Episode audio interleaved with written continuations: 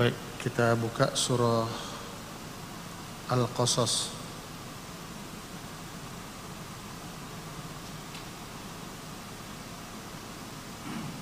Ya, surah Al-Qasas.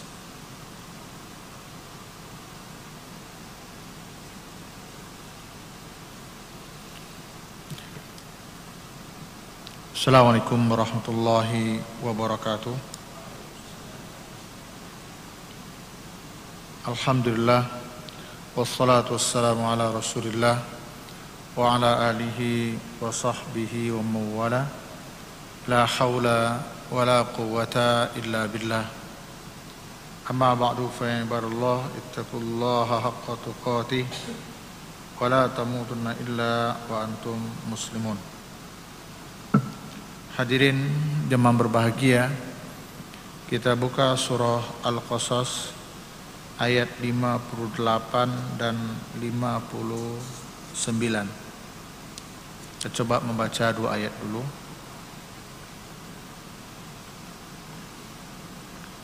A'udzu billahi minasyaitonir rajim Bismillahirrahmanirrahim وكم أهلكنا من قرية بطرت معيشتها فتلك مساكنهم لم تسكن من بعدهم إلا قليلا. وكنا نحن الوارثين. وما كان ربك مؤلك وما كان ربك مهلك القرى حتى يبعث في أمها رسولا حتى يبعث في أمها رسولا يتلو عليهم آياتنا وما كنا مهلك القرى إلا وأهلها ظالمون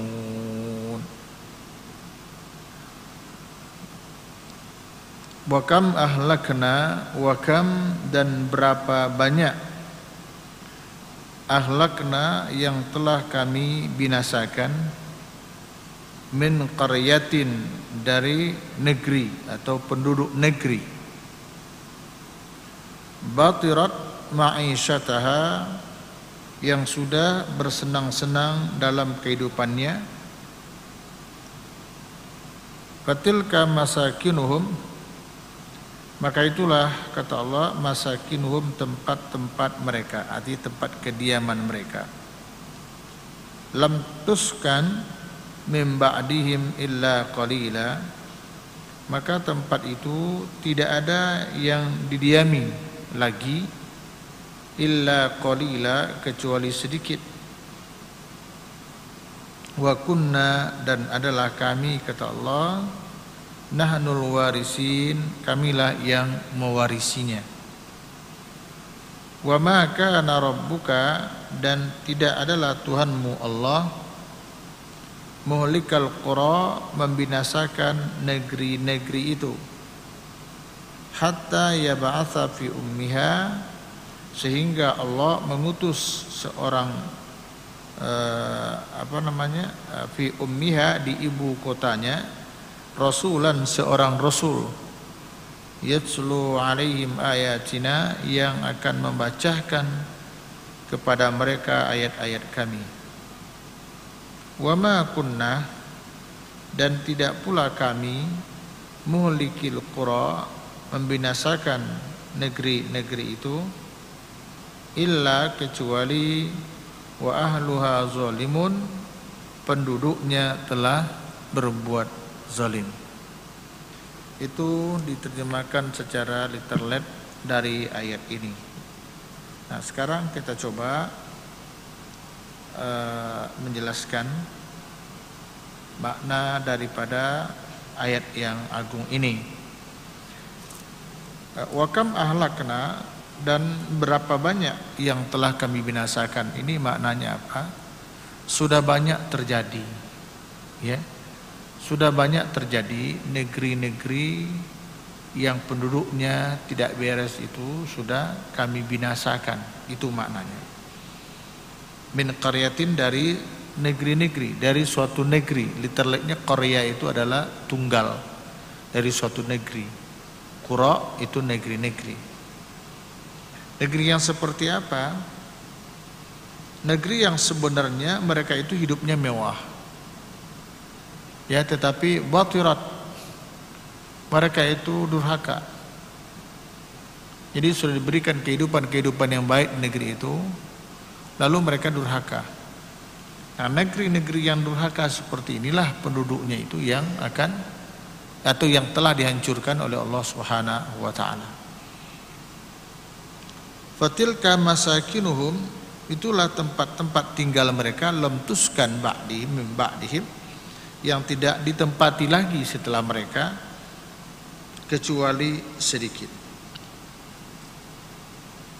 Kenapa? Karena negeri itu sudah hancur. Negeri Samud, ya kan? Kaum Ad, Hijir, Madian, kan sudah tidak ada lagi wujudnya hari ini. Kaum Nabi Lut, ya, semuanya sudah habis. Nah, jemaah yang berbahagia, ini eh, pelajaran yang masya Allah ya, yang luar biasa bagi kita bahwa Allah Taala eh, di ujung ayat ini dikatakan ya, pada ayat yang berikutnya ini ayat yang ke 59 ya yang perlu kita jelaskan adalah yang ke 59 itu. Wa ma kana rabbuka milikal qura dan tidaklah Tuhanmu Allah menghancurkan negeri-negeri hatta yab'atsa fi ummiha rasulan sehingga diutus Allah pada negeri itu seorang rasul. Yatslu alaihim ayatina kami di mana rasul itu membacakan kepada mereka ayat-ayat kami. Itulah tugas rasul dalam menyampaikan wahyu, menyampaikan risalah Wa ma kunna muhlikil qura dan tidaklah kami membinasakan negeri-negeri itu. Kalimat bukan lagi Korea tapi al-qura yaitu bentuk jamak. Illa wa ahluha zalimun kecuali negeri itu negeri yang zalim. Uh, ada negeri yang Allah jadikan sebuah perumpamaan yang itu sudah kita lewati beberapa waktu yang lalu yaitu kita kenal dengan negeri Sabah ya. Ketika kita menjelaskan surah uh, An-Nahl jauh sebelum ini surah An-Nahl. Di dalam surah An-Nahl ayat 116 itu disebutkan demikian. Ini udah jauh ya kita ke surah Al-Qasas ini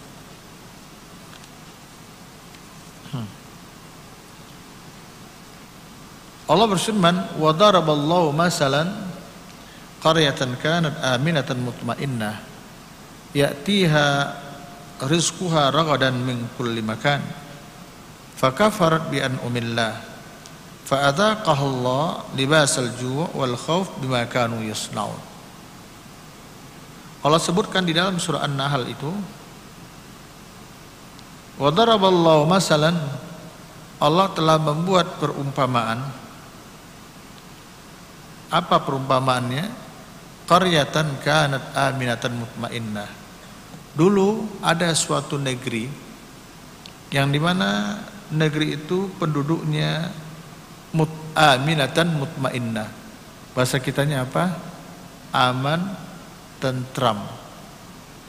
Masya Allah Pak. Jadi sudah ada perumpamaannya. Negeri itu negeri yang baik, aman, tentram. Ya'tiha rizquha ragadan min kulli makan rezeki yang Allah berikan kepada penduduk negeri itu datang dari berbagai penjuru. Jadi apa pun yang ditanam jadi ya menjadi rezeki, sumber rezeki luar biasa. Itu negeri Sabak terkenal dengan bendungan maghribinya. Yang dengan bendungan itu air bisa dialirkan untuk pertanian persawahan. Negeri yang dikatakan ya, negeri yang aminatun mutmainnah atau dalam bahasa lain disebut malah negeri baldatun thayyibatun wa rabbun ghafur. Mewah betul itu negeri. Kita juga nggak bisa bayangkan seperti apa mewahnya sampai Allah abadikan dalam Quran. Dikatakan ya, negeri ini adalah negeri yang aminatan mutmainnah, aman tentram. Tapi fakafarat bi an umillah. Fakafarat bi umillah di mana penduduk negeri itu kufur nikmat. Kufur nikmat, tidak mensyukuri karena Allah itu dengan menjalankan ketaatan kepada Allah. Dampaknya apa? Fa'adzaqaha Allah libasal ju' wal khauf. Kalimat ini bunyinya fa'adzaqaha Allah. Allah tidak sebutkan fa'asabaka fa'asabaha Allah lalu Allah timpakan, tidak. Tapi fa'azaqa, zaqa itu artinya merasakan. Bentuknya rasa maka Allah rasakan kepada mereka libas pakaian al-ju' wal khauf kelaparan dan ketakutan. Bima kanu yasnaun dengan sebab apa yang mereka lakukan. Ini kembali kita ingatkan Allah memakai bahasa yang indah di sini. Pertama kalimat zaqa yang bermakna rasa. Rasa itu nggak bisa dilihat pak. Rasa itu hanya bisa di, dirasakan. Itu pun juga bagi orang yang tidak mati rasa. Secara kasat mata, ini air nih air tawar ini di gelas ini. Tapi bisa kita buat tiga gelas yang tidak bisa tercerna oleh indera mata kita. Gelas yang satu airnya tawar seperti ini juga. Yang satu lagi kita kasih gula putih, warnanya sama tapi rasanya manis. Yang satu lagi kita kasih garam, garam putih. Warnanya sama. Kemampuan mata kita terlalu lemah untuk bisa membedakan dari jarak yang sederhana mana air tawar, mana yang manis, mana yang asin. Tapi ketika lidah kita menyentuhnya, lidah langsung bisa memberikan reaksi. Memori kita langsung ya menganalisa ini tawar, ini asin, ini manis. Itu rasa. Makanya rasa itu penting dalam bahasa guyonnya bagi orang yang tidak mati rasa. Rasa malu. Ya kan? Rasa sakit, dan seterus-terusnya. Allah menyebutkan di dalam ini negeri yang tadi negeri yang aman, tentram, damai. Ini maknanya aminatan mutmainnah itu kan negeri yang aman. Aman itu tidak berbentuk tidak selamanya berbentuk fisik. Tapi itu psikis itu jiwa itu. Rasa aman itu ada pada jiwa. Coba tengok bapak-bapak orang-orang yang ketakutan, stres. Ya kan? Secara jiwa kita, maaf secara fisik kan dia sehat nggak ada orang yang yang genjar-genjar dia tapi secara psikis dia merasa di dikejar dia merasa dihantui ya itu rasa. Jadi rasa secara umum dia tidak bisa di dirasa dalam pengertian diraba oleh indera kita. Tapi dia bisa hanya dirasa. Ya, kalau itu makanan alat rasanya adalah lidah. Kalau panas dingin, alat rasanya adalah kulit. Nah, sekarang dampak yang sebenarnya penduduk ini penduduk yang aman, tentram, tenang, oke. Okay. Ya, mungkin penduduk yang tidak perlu begadang malam ini, Pak. Orang tenang hidupnya. Jam 9 udah tidur, ya. Nanti lewat tengah malam bangun tahajud istirahat sampai subuh habis subuh istirahat berbenah-benah pergi kerja ya kan ntar siang jangan-jangan makan siangnya di rumah pak bersama anak istrinya. Habis itu pergi lagi. Ntar sore balik. Saya pikir itu kehidupan yang sangat Jangan-jangan kita mengidamkan kehidupan yang seperti itu. Bendingan kan Pak, cakep banget tuh. Sekarang kita subuh-subuh udah jalan. Jangan-jangan anak kita masih tidur. Ya, nanti pulang anak sudah tidur tetapi akibat penduduknya fakafarat bi an umillah kufur nikmat. Tidak mensyukuri karena Allah tabaraka wa taala. Fa Allah pertama Allah rasakan. Allah berikan rasa kepada mereka. Allah beri rasa kepada mereka. Yang jadi bisa jadi secara kasat mata gak kelihatan tapi dia merasakan. Apa yang dirasakan? Al-ju' wal khauf ketakutan. Ya alju kelaparan khauf dan ketakutan.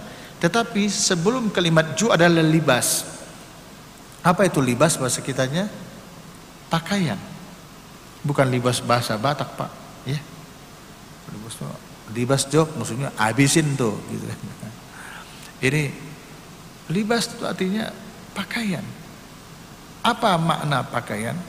Filosofi pakaian itu apa Pakaian itu adalah yang menempel pada diri manusia, ya bahkan yang menutupi seluruh tubuh manusia itulah pakaian.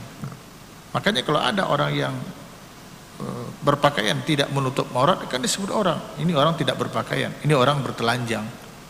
Ada misalnya seorang e, laki-laki lari pagi pakai celana pendek kolor gitu ya, jalan atau perempuan celana ketat rok ketat rok mini Orang katakan itu mah telanjang yang seperti itu. Walaupun dia pakaian, punya pakaian tapi telanjang.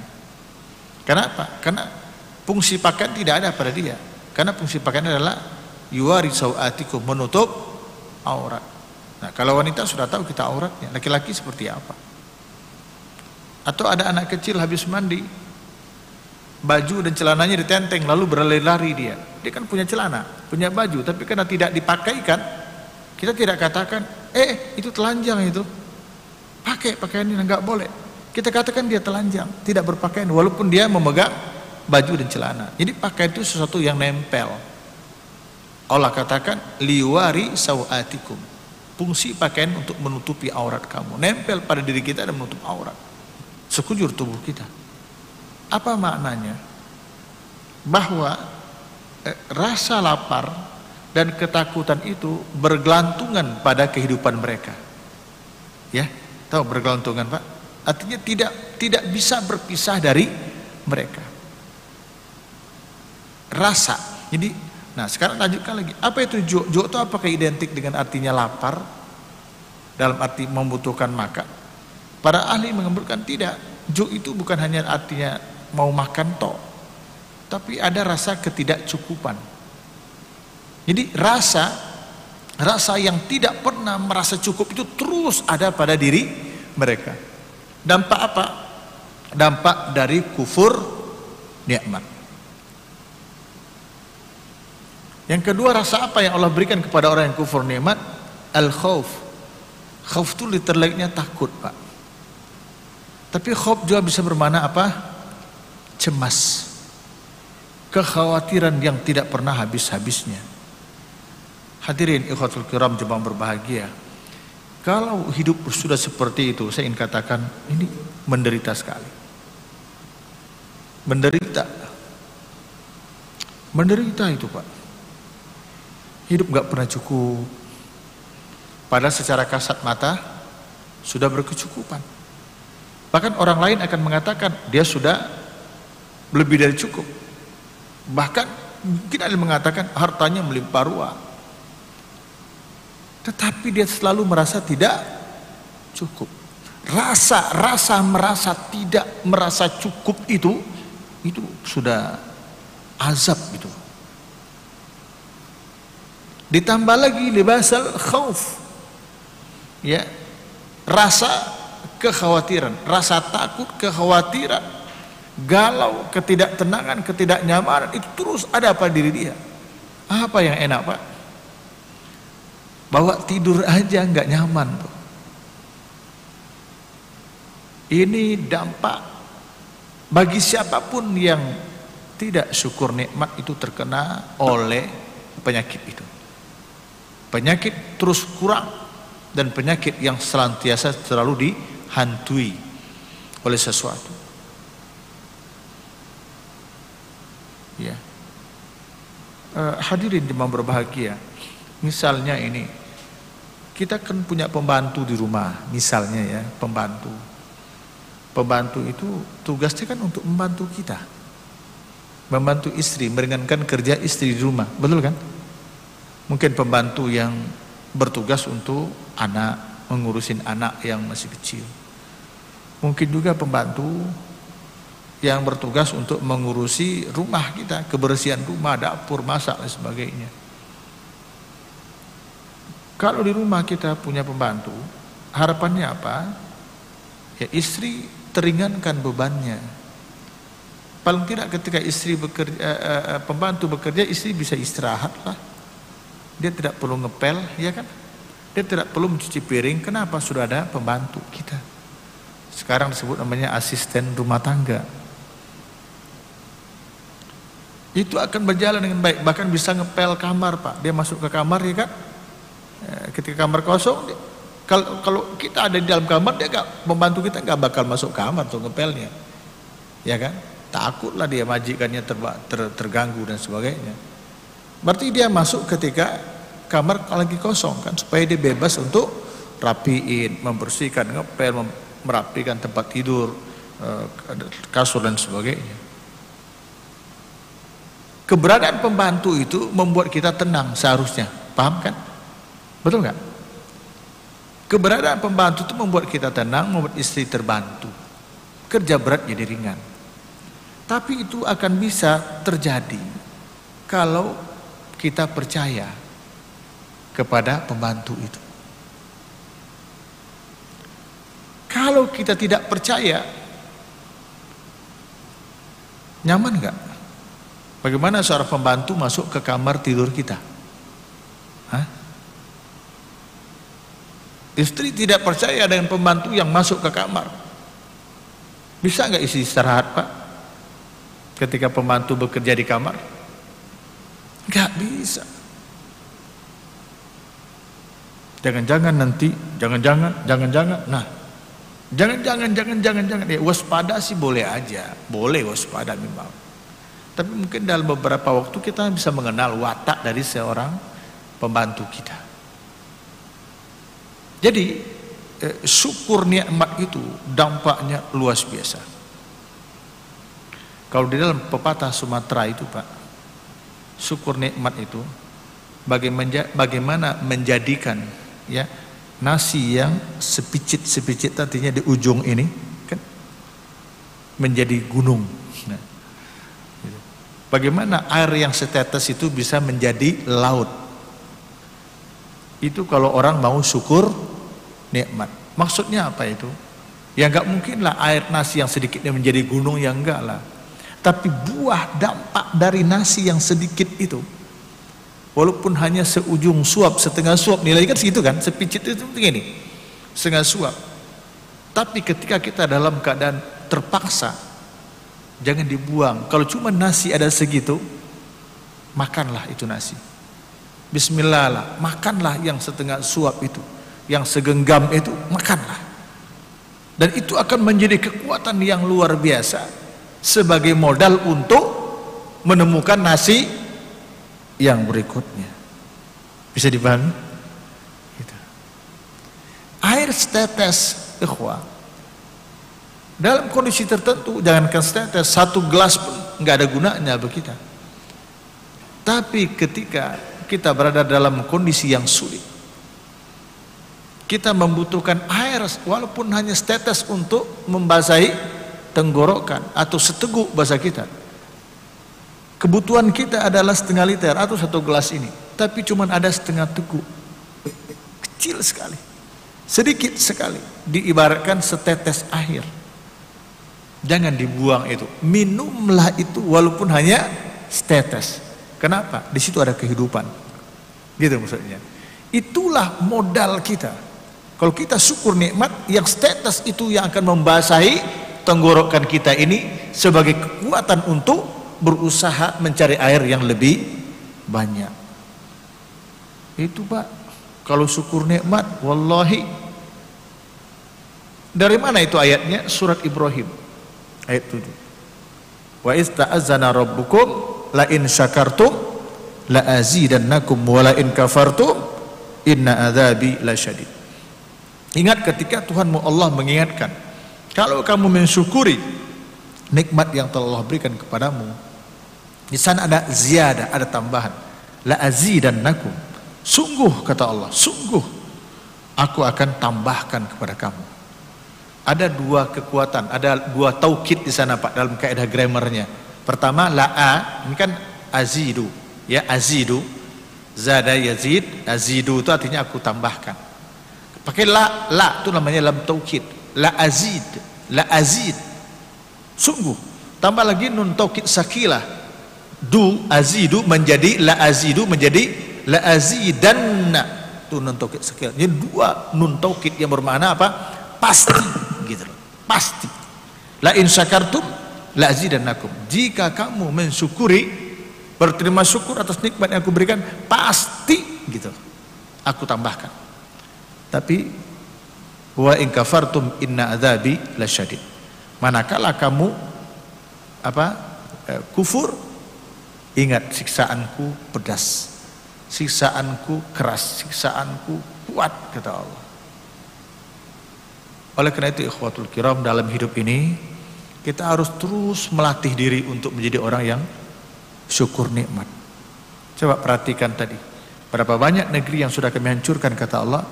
Batirat ma'isyataha. Sebenarnya mereka sudah mewah, udah mewah. Ya, udah senang hidupnya. Tetapi karena batirat menjadi durhaka, tidak syukur nikmat malah kufur nikmat fakafar bi umillah mereka mengkufuri nikmat Allah sampai negeri yang terkenal dengan baldatun tiyyabatul ghafur negeri dengan negeri disebut dengan aminatan mutmainnah negeri yang penduduknya aman tentram tenang pokoknya luar biasa. Negeri Sabah tapi dampak dari kufur nikmat fa'adzaqahallahu libasal ju' wal khauf Allah rasakan kepada mereka. Ya rasa lapar rasa kurang rasa tidak pernah cukup rasa takut rasa kekhawatiran galau ya terus dikejar-kejar oleh bayang-bayang ketakutan. Dan itu sifat itu kata Allah tidak akan pernah meninggalkan mereka. Terus aja nempel sama mereka. Kapan itu akan perginya? Ketika yang bersangkutan belajar syukur nikmat. Kita mungkin belum menjadi hamba Allah yang terbaik dalam mensyukur nikmat. Kita belum menjadi abdan syakura. Tetapi kita harus menjadi orang yang terus belajar menjadi abdan syakura. Rasulullah sallallahu alaihi wasallam adalah uswatun hasanah. Kudua contoh teladan kita. Ingat Aisyah menyebutkan, "Ya Rasulullah, bukankah Allah sudah ampuni dosa-dosamu yang sudah lalu?" dan Allah akan ampuni dosa-dosamu kalaupun ada nanti ke depannya. Tapi kenapa ketika sholat malam sedemikian lamanya sampai tumitmu bengkak? Kata Nabi apa? Afala an akuna abdan syakura? Apakah aku tidak bahagia? Apakah aku tidak senang? Jika dengan amal itu Allah masukkan aku ke dalam kelompok hamba Allah yang bersyukur. Coba karena apa? Karena Nabi merasakan apa yang sudah Allah berikan kepada dia adalah nikmat yang besar, karunia Allah. Idealnya ketika kita merasa apa yang Allah berikan kepada kita adalah nikmat dari Allah Subhanahu wa taala. Karunia Allah yang teramat besar kepada kita, mulai kesehatan, ya, nikmat iman, Islam, hidayah yang Allah berikan, taufik kepada kita. Ketika itu kita rasakan sebagai bagian dari karunia Allah. Saya yakin dan percaya ibadah-ibadah yang sering ada kepada kita juga akan terasa tidak terlalu berat untuk dikerjakan. Kenapa? Karena ini bagian dari menjadi tanda-tanda kita bersyukur kepada Allah Subhanahu wa taala. Mudah-mudahan hadirin ikhwatul kiram yang berbahagia eh, dalam kehidupan keluarga akan terasa seperti itu. Ya. Eh, cari suami yang sempurna pasti gak akan pernah ada. Latih istri kita untuk bersyukur kepada Allah. Sama halnya menjadi istri yang sempurna juga nggak akan pernah ditemukan. Semakin banyak istri, semakin banyak nanti ditemukan apa kekurangannya. Kan ini dapat istri satu ini contohnya contoh ini banyak kurang tambah dua bukan berarti menutupi kekurangan. Tahu lagi tambah lagi kekurangan yang kedua dan begitu seterusnya. Kekurangan itu akan hilang ketika kita bersyukur kepada Allah Subhanahu wa taala. Gitu. Ya, anak juga demikian dikaruniai anak. Mungkin ada anak 1 2 3 4 5 6 7 Ya, kemarin saya ketemu dengan teman, masya Allah pak, secara ekonomi, masya Allah, eh, prihatin lah. Tapi ketika saya ketemu sama saya, berapa anak antum? Alhamdulillah Ustaz, 14 orang tadi ya. Saya tanya, itu dari satu induk? Iya, dari satu induk saja. Secara kenapa enggak dua induk aja gitu kan? Itu kan subur banget orang seperti itu. Dah cukup satu induk. 14 orang, Masya Allah. Saya nggak nanyakan pendidikannya seperti apa, tapi alhamdulillah ada juga yang ya biasa lah. Ya ada yang yang sukses, ada yang yang tidak. Yang baru ketahuan sukses kelihatannya secara dunia tuh baru anaknya gubernur Sumatera Barat ya, Irwan Supriyatno ya. Masya Allah itu. Yang hafiz, hafizah. Baru dia. Atau di sini anggota DPR kita dulu, Ustadz siapa? Yang dari PKS. Tamimul Ula ya? Ya, Tamimul Ula kalau tidak salah ya. Atau Ustaz Muzammil, Muzammil Yusuf Tamimul Ula. Yang anaknya juga para uh, hafiz hafizah. Uh, Oke. Okay. Jadi kalau mencari sempurna carilah apa yang ada di sisi Allah Subhanahu wa taala. Apa yang ada pada manusia tidak akan pernah sempurna, tapi kekurangan itu akan tertutupi. Paling tidak bisa diminimize dengan rasa bersyukur kepada Allah Subhanahu wa taala. Mudah-mudahan apa yang saya sampaikan ini bermanfaat bagi kita semua. Paling tidak untuk menenangkan, melembutkan jaringan-jaringan saraf kita ya dengan cara banyak bersyukur kepada Allah. Salah satu biasakan membaca doa Allahumma a'inni ala zikrika wa syukrika wa husni ibadatik. Ya Allah, tolonglah aku untuk senantiasa ingat kepadamu, bantu aku untuk senantiasa bersyukur kepada karuniamu Tolong aku, bantu aku ya Allah untuk senantiasa meningkatkan ibadah yang benar kepadamu. Allahumma a'inni ala zikrika wa syukrika wa husni ibadatik. Subhanakallahumma bihamdika asyhadu an la ilaha illa anta astaghfiruka wa atubu ilaik. Alamin. Assalamualaikum warahmatullahi wabarakatuh.